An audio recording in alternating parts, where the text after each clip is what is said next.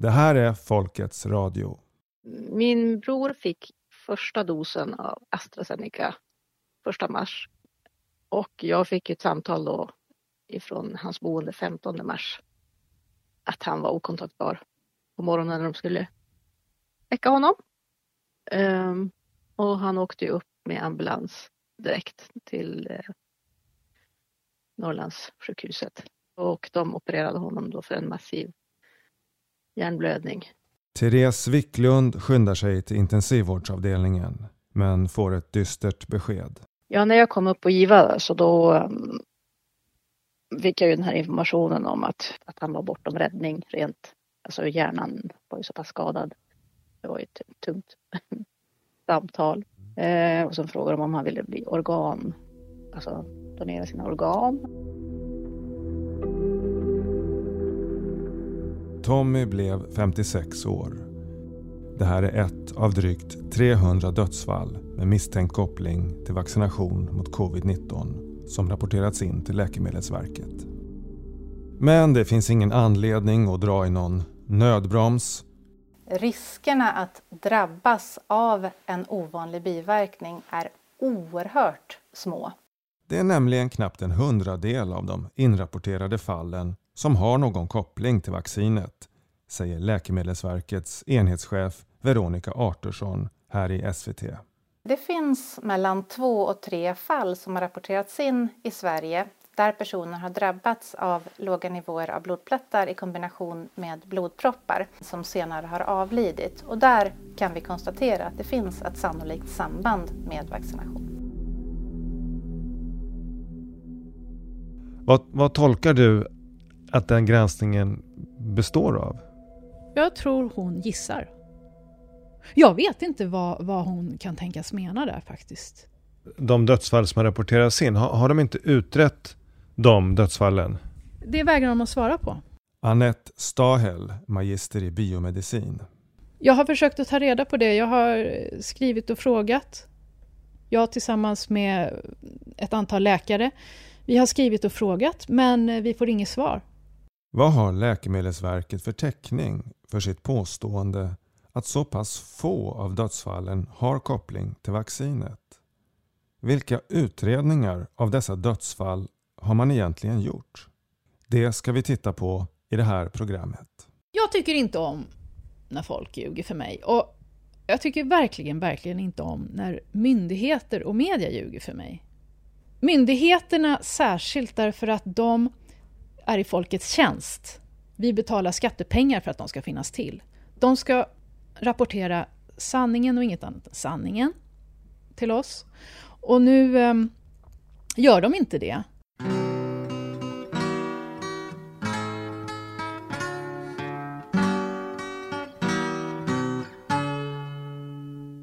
A government always reveals a good deal if you take the trouble to really study what it says. I.F. Stone, en av de första oberoende journalisterna som hade sitt veckomagasin i USA på 60-talet och hans viktiga men ack så bortglömda citat.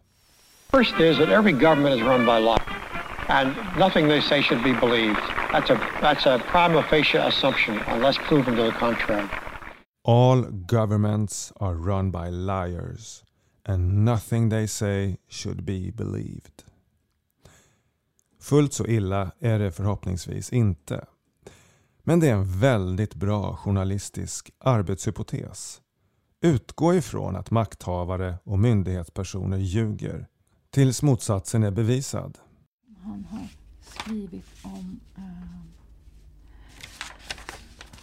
Annette Stahel arbetar också enligt den devisen. Bland annat har hon granskat vetenskapliga studier om de nya vaccinerna och funnit misstänkta manipulationer av resultaten. Det finns jättemånga sådana studier nu kan jag säga och de kommer i en stridström. Även i ansedda tidskrifter har de funnit brister på en ganska basal nivå. Det är ett matematikfel som möjligen en eh, högstadieelev skulle kunna begå men inte biomedicinska forskare och definitivt inte forskare från Oxford University som den här studien är ifrån. Då. Och eh, om man rättar till det här felet så visar studien att vaccinet ger en över 100% riskökning för blodproppar jämfört med covid-19. Och om man inte korrigerar felet så ger studien resultatet att sjukdomen ger blodproppar oftare än vaccinet. Och den enda slutsats som jag kan dra av det, det är att eh, det här metodfelet är avsiktligt för att dölja vaccinets skadlighet. Ett annat flagrant metodfel fann hon i en studie i New England Journal of Medicine om huruvida vaccinerna mot covid-19 ökar risken för missfall. Det de här forskarna då först och främst har gjort är att rapportera en frekvens på bara 12,5 procent för missfall efter vaccinering under graviditetens första 20 veckor. Men självklart så ska den frekvensen baseras på det antal kvinnor som faktiskt har fått vaccinet inom dessa 20 veckor. Det är ju självklart. Men det har de inte gjort, utan de har inkluderat 700 kvinnor som vaccinerades efter 20 veckor. Då risken för missfall är mycket, mycket mindre. För att späda ut underlaget och för att få det att se ut som att vaccinet inte ökar risken för missfall alls. Om man korrigerar de här siffrorna och räknar rätt, då visar alltså den här studien istället att vaccinet kraftigt ökar risken för missfall under de första 20 veckorna.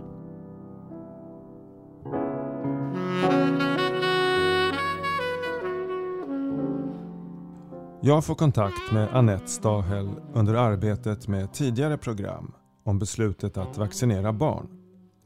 Hon ingår i en grupp av 14 svenska läkare och biomedicinare som för en mejlväxling med Läkemedelsverket. Gruppen uttrycker oro över det höga antalet misstänkt vaccinrelaterade dödsfall och skador som rapporterats in till Läkemedelsverket. Myndigheten har i maj skrivit på sin Facebook-sida att det i nuläget inte finns några signaler på att dessa dödsfall skulle vara kopplade till vaccinet. Gruppen skriver i sitt första mejl daterat 8 juni i år. Ett sånt här svar från Läkemedelsverkets sida på en sådan djupt allvarlig och mångfacetterad fråga är under all kritik. Och Läkemedelsverket hänvisar inte heller till några vetenskapliga dokument eller andra referenser som stöd för sitt påstående. Gruppen ställer 21 detaljerade frågor kring dessa dödsfall. Kräver att Läkemedelsverket ska svara utförligt med hänvisningar till vetenskapliga källor. Då skriver han alltså så här. Utredningar för regulatoriska åtgärder görs i enlighet med de GVP-moduler som jag tidigare hänvisade till och någon signalutredning med avseende på dödlighet har inte initierats. När vi gör den här intervjun har mejlväxlingen pågått i flera månader. Men brevskrivarna anser sig fortfarande inte ha fått några raka besked om vilka utredningar som faktiskt har gjorts av de cirka 300 inrapporterade dödsfallen. Han hänvisar bara till väldigt, väldigt krångliga texter. Och han borde ju kunna enkelt förklara de olika stegen i en utredning. Det, det, borde inte vara några problem alls. Om de har gjort sådana utredningar i Sverige som eh, Läkemedelsverket säger här så borde han kunna beskriva hur de har gått till.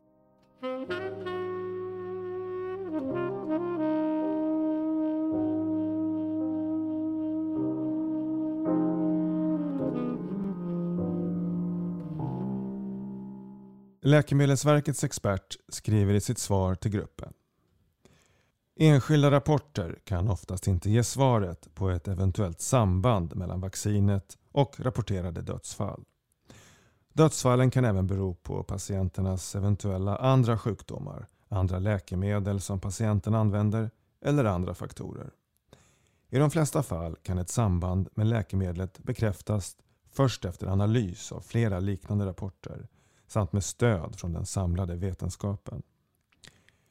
Det är en missuppfattning att man kan bestämma frekvensen av en händelse som död genom att studera rapporter om misstänkta läkemedelsbiverkningar. Nej, alltså jag anser att det går att se um, en ökad risk för dödsfall om man tittar på uh, Läkemedelsverkets register. Därför att man kan ta dödsfallen och utreda dem noggrant och objektivt. Man utreder dem med en läkare eller, obducent, ob, läkare eller obducent som är objektiv och inte kopplad till någon myndighet eller läkemedelsorganisation. Och man ser till att göra en korrekt utredning av varje dödsfall. Och då får man fram eh, ett antal då bekräftade dödsfall som är orsakade av covid-vaccinet. Ja. Och sen så får man helt enkelt ta och multiplicera de, eh, den summan. Enligt brevskrivarna blir det att man jämför äpplen och päron när man gör en risk-nytta-bedömning där man i ena vågskålen använder en schablon med covid-19 för alla personer som dött inom 30 dagar efter ett positivt testsvar. Och i den andra vågskålen använder ofantligt mycket tuffare beviskrav när det gäller de som dött inom 30 dagar efter vaccinet och som dessutom inte tar någon hänsyn till den enorma underrapporteringen av misstänkta biverkningar. Rapporteringen av biverkningar ligger på mellan 1 och 2 procent. Det finns studie på studie på studie som visar det här, både från utlandet och från Sverige. Att det ligger där omkring 1-2 procent. Om det, om det är så lite att de rapporterar in 1-2 procent av biverkningar, läkare och annan medicinsk personal, eh, då är det ju en massa orapporterade dödsfall, alltså misstänkt vaccinkopplade dödsfall, där ute i landet. Och då måste man ta det här antalet eh, eh, bestämda då, utredda bestämda dödsfall och multiplicera med 100 eller om det nu blir 50. 50. Och då får man man kan, man kan ju inte få någon bestämd absolut eh, frekvens då. Men man ser ungefär hur stor eh, risken är.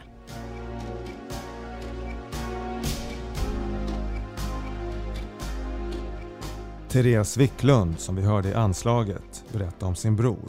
Fick veta redan när hon kom till sjukhuset att man misstänkte koppling till vaccinet de sa att de, på IVA att de skulle lägga det som en, en rapportering till Läkemedelsverket för biverkningsfrågan. Då. För det hade en läkare redan här på medicin som tog emot honom när han kom. Eh, hade skrivit det och, och tyckte att det här var väl fanns ett samband. Efteråt började hon nysta i vad som hänt. Eh, jag pratade ju med hans eh, personliga omvårdnadstagare på boendet och hon hade upptäckt att han hade röda prickar på ena sidan av kinden. På två dagar innan. Så de skulle gå och köpa en, en ny rakapparat för att se vad som fanns under skägget. Liksom. Kan det tänkas att det är någon biverkning så. Men de hade de ju som sagt, nej, det är nog ingen större risk. Det är ju bara några prickar och sådär. Så. Men eh, sen gick det ju som det gick då. De var ju som små lila mm lila röda prickar på höger sida av hans kind och käke. Det var ju på den sidan som han också fick sin hjärnblödning på höger sida. Och ansvarig läkare bedömer alltså att hjärnblödningen har samband med vaccinet? Ja, han ringde upp mig och alltså muntligt beskrev hur allting hade sett ut och vad proverna hade visat att han hade skickat vidare till Tyskland för att göra den ytterligare. Och då hade de ju hittat då någonting, något medicinskt som jag inte riktigt förstår mig på. Men... Av anteckningarna framgår att prover har visat på sänkta nivåer av blodplättar i samband med att vaccinet börjar verka.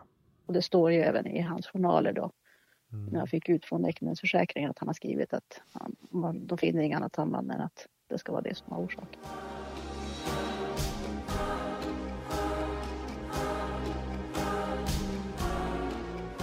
Jag inleder också en korrespondens med Läkemedelsverket med den expert som jag får mig tilldelad via presstjänsten. Det blir åtskilliga mejl fram och tillbaka och även här med svårigheter att få raka svar. Jag skriver Hej igen! För att förtydliga. Den frågan jag behöver ett svar på är följande. På vilket sätt har Läkemedelsverket utrett varje inrapporterat dödsfall efter vaccin mot covid-19? Till SVT säger Läkemedelsverket att granskningen man har gjort visar att det är extremt få dödsfall som verkligen har en sannolik koppling till vaccinet. Vad betyder granskning i detta sammanhang? Finns det en förteckning där det framgår vilka utredningsåtgärder det handlar om i varje individuellt fall? Experten svarar. Arbetssättet tar sin grund i läkemedelslagstiftningen och finns beskrivet i riktlinjer GVP-moduler som finns att läsa på EMAs hemsida. För arbetet med spontanrapportering är det modul 6 och 9 med respektive addendum som är aktuella.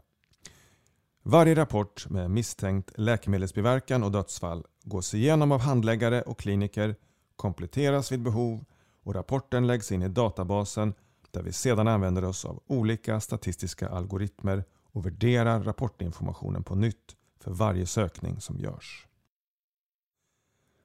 Hmm. Jag kan inte värja mig mot upplevelsen att säkerhetsövervakningen känns lite som kejsarens nya kläder. Det är flotta moduler och guidelines. Men när jag försöker bena ut vad de faktiskt har gjort, oavsett om de kallar det för bedömning eller utredning, så finns det liksom ingen substans. Jag skriver. Hej! Jag kanske uttryckte mig otydligt. Det jag efterfrågar är inte de generella riktlinjerna, de har jag redan fått. Så för att vara extra tydlig. Jag önskar redovisat för varje dödsfall följande information. 1. Övergripande diagnos samt ålder och kön. 2. Sambandsbedömning till vaccinet. Probable, possible, not related. 3. Motivering för sambandsbedömning. Varför har man kommit fram till denna bedömning? Experten svarar. Hej Per! I databasen för misstänkta läkemedelsbiverkningar finns information om rapporterad term, allvarlighet, misstänkt läkemedel, eventuellt övriga läkemedel, ålder, kön, rapportör och narrativ. Men det finns inte någon sambandsbedömning i termer av probable, possible, not related och därmed inte heller en motivering till bedömning för varje enskild rapport. Slutcitat. Jag får inte ihop det här. Verkets chef Veronica Artursson sa alltså följande i sin intervju med SVT i september. Riskerna att drabbas av en ovanlig biverkning är oerhört små. Att det är extremt få dödsfall som har en sannolik koppling till vaccinet. Att det handlar om två till tre fall. Men experten förklarar ju för mig att det inte finns någon sambandsbedömning i termer av probable, possible, not related och därmed inte heller en motivering till bedömning för varje enskild rapport. Så vad finns det egentligen för underlag för påståendet att endast två till tre fall är relaterade? Jag skriver Skicka mig utredningarna av dessa tre dödsfall. Om fler utredningar av inrapporterade dödsfall existerar, skicka mig även dem. Och jag vill ha samtliga utredningar av dödsfall, oavsett om de gavs som utfall Covidvaccinet var orsak till dödsfallet eller ej.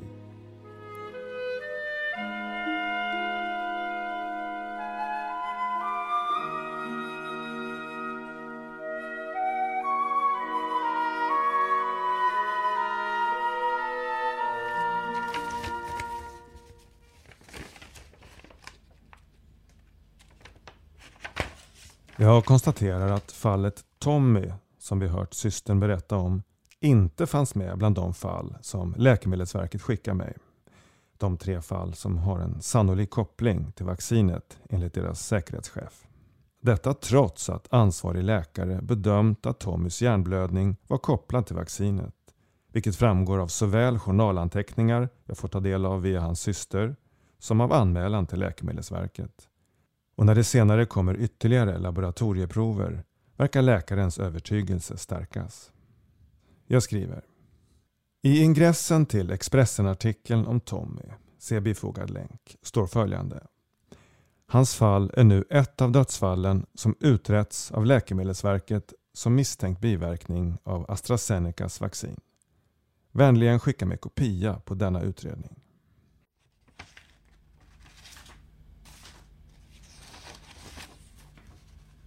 Det är totalt fyra sidor med en del stycken överstrukna av sekretesskäl. Rapporten är nästan som en stilstudie i vaccinorsakat dödsfall. Inte bara att hjärnblödningen inträffade 14 dagar efter sprutan, efter att provtagning visat att nivån av blodplättar sjunkit, utan dessutom att diagnosen läkaren angivit lyder vitt Vaccine Induced Immune Thrombotic Thrombocytopenia. Ett tillstånd som har visat sig kopplat till det vaccin som Tommy fick. Läkaren har sedan kompletterat sin rapport i omgångar. Det är därför det finns flera sidor som dokumenterar Tommys fall. Men det som saknas är Läkemedelsverkets egen bedömning eller utredning. Den finns inte här. Tommys fall består enbart av den anmälande läkarens rapport om misstänkt vaccinbiverkan. Läkemedelsverket har inte gjort något uttalande överhuvudtaget. Jag skriver till presstjänsten igen. På vilka grunder har Läkemedelsverket valt att inte dela den anmälande läkarens bedömning att patientens svåra hjärnblödning sannolikt hade koppling till vaccinet mot covid-19? Men jag vet redan svaret. De har inte gjort någon utredning överhuvudtaget. För i så fall skulle den ha funnits med bland de dokument jag begärde ut.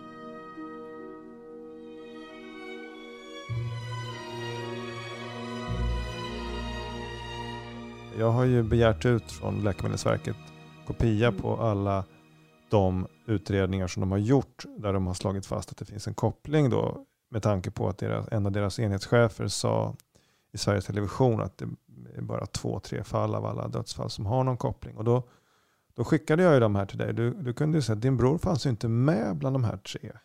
Nej. Vad tänker du om det? Eh, ja, det, det känns ju det känns jättemärkligt. Alltså för att det finns ju i hans journaler, det finns i hans obduktion och så finns han inte med. Det är uppenbart att Läkemedelsverket inte har bedömt de inrapporterade dödsfallen. Än mindre genomfört någon noggrann medicinsk utredning. De tycks ha skummat igenom de drygt 300 dödsrapporterna och sedan bedömt ett fåtal. Det värsta av allt det här är ju att han om några, han är ju redan bortglömd. Det är det som är så sorgligt. Ehm, men nu när han inte ens finns med. Ett liv är väldigt oviktigt känns det som. Eller min brors liv var väldigt oviktigt. Han finns inte med ens med i statistiken.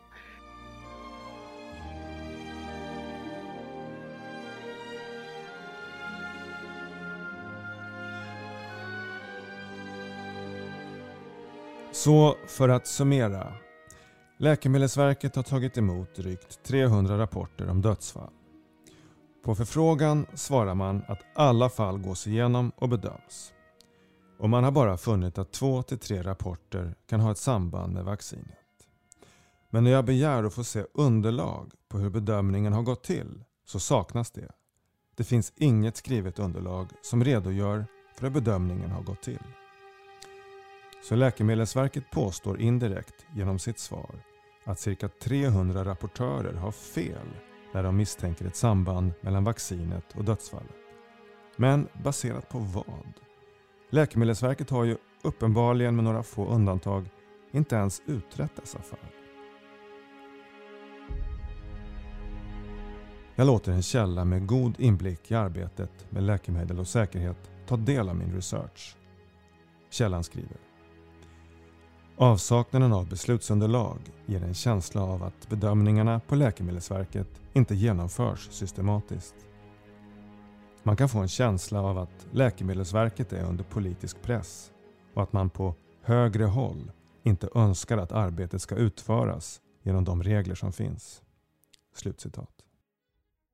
Först är det ju ilska över att dödsfall bara ignoreras, bara viftas bort. Det blir ju det, när de inte liksom går till djupet med alla rapporterna. Jag låter även Annette Stahel, magister i biomedicin, ta del av min research och mejlväxling som hon lägger ihop med sin egen. Läkemedelsverkets eh, expert har i ett mejlsvar till oss sagt, jag citerar, vi bedömer alla dödsfallsrapporter och Veronica Artursson, eh, Läkemedelsverkets chef för läkemedelssäkerhet, har i en intervju med SVT sagt, och igen jag citerar, vi gör kontinuerligt en bedömning av de här vaccinerna.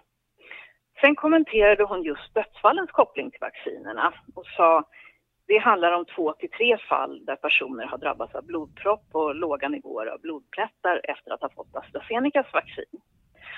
Ja, nu har ju vi begärt ut dokumenten rörande de här tre dödsfallen som alltså av Läkemedelsverket bedömts vara kopplade till vaccinet. Men vi lade till att om fler utredningar av inrapporterade dödsfall existerar, antingen de utfördes före de nämnda tre eller efteråt, så skulle de skicka dem eh, till oss också. Eh, men inga fler dokument än de här tre skickades av sammanlagt alltså över 300 dödsrapporter. 300. Eh, vad det handlar om här är att en bedömning i det här fallet, för vilken tänkande människa som helst, är en noggrann utredning som inkluderar obduktion av en objektiv obducent eller en noggrann utredning av en objektiv specialistläkare. Och det här är självklart eftersom det handlar om det allvarligaste som finns, nämligen potentiell, potentiellt eh, myndighetsorsakad död. Alltså. Eh, men, eh, men sådana bedömningar har alltså inte gjorts. Utan Läkemedelsverket tycks alltså istället bara ha läst igenom alla dödsrapporterna. Och vad de sen så att säga bedömde var tydligen att inga fler än tre behövde utredas vidare. Och de kommer dessutom utredas av den europeiska läkemedelsmyndigheten som ligger i Holland, 150 mil ifrån den döde och läkaren och de anhöriga. Men i alla fall, för att försäkra oss om att vi inte hade fel så begärde vi även specifikt ut alla dokument som rörde bedömda dödsfall där en eller flera av Läkemedelsverkets anlitade obducenter eller läkare varit med och bedömt fallet. Då. Men inga sådana dokument skickades heller och det betyder att inga sådana finns. Och återigen så betyder det alltså att Läkemedelsverket ljuger.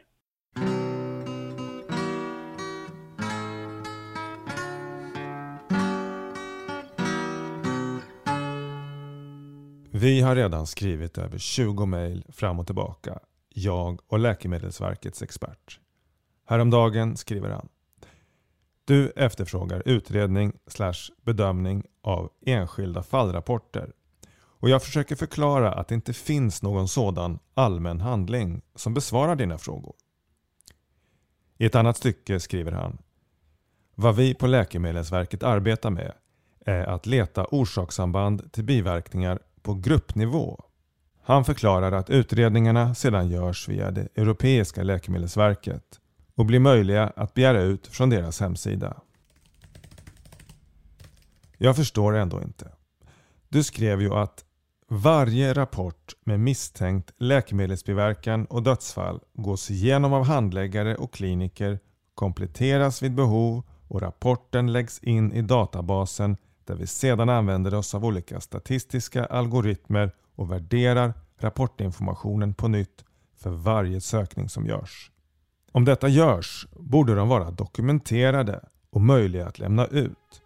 Det vore märkligt om informationen bara var off the record. Jag har fortfarande inte fått något svar på min fråga angående Veronica Artursson-citatet i Expressen-artikeln med anledning av Tommys dödsfall i massiv hjärnblödning i våras. Läkemedelsverkets chef citeras Hans fall är nu ett av dödsfallen som utretts av Läkemedelsverket som misstänkt biverkning av AstraZenecas vaccin. Hur ska man tolka dina svar? 1. Det är sant att Läkemedelsverket gjorde en utredning av hans individuella dödsfall. Men det resulterade i ett material som inte offentliggörs. 2. Det är inte sant att Läkemedelsverket gjorde en utredning av hans individuella dödsfall. Det var bara något Artursson sa för att lugna allmänheten.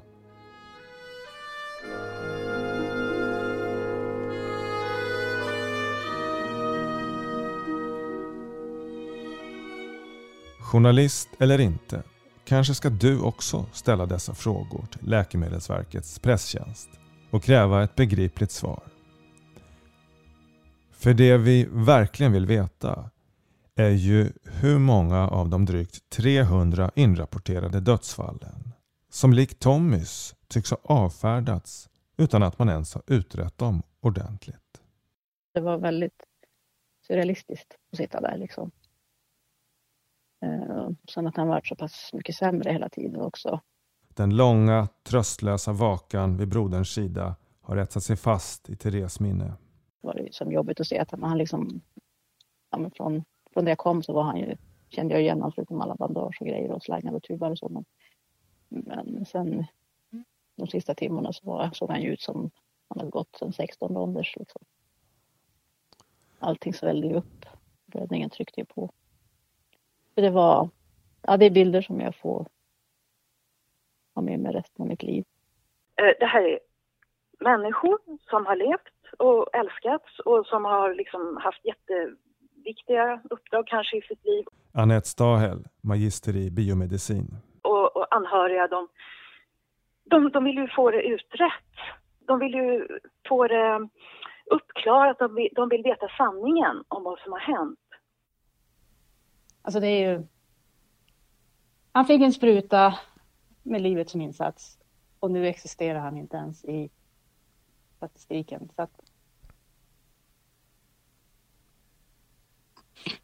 Ursäkta. Jag vet inte vart jag ska vända mig för att det här måste ju få komma ut. Man får som inte komma vidare någonstans. Jag får inte sörja för att jag är bara arg och besviken och rädd. De lurar ju folk. De lurar ju anhöriga. De lurar de som sörjer. Och de lurar de som ska ta sprutan. Alltså det här, det här är otroligt allvarligt. Jag, jag tror att det här är kriminellt. Jag tror, jag är nästan, eller jag är säker på att det är kriminellt. Så, så det också. De borde ställas till svars sen, när allt är över. It's the sound of freedom calling, ringing up to the skies. It's the sound of the old ways of falling. You can hear it if you try. You can hear it if you try.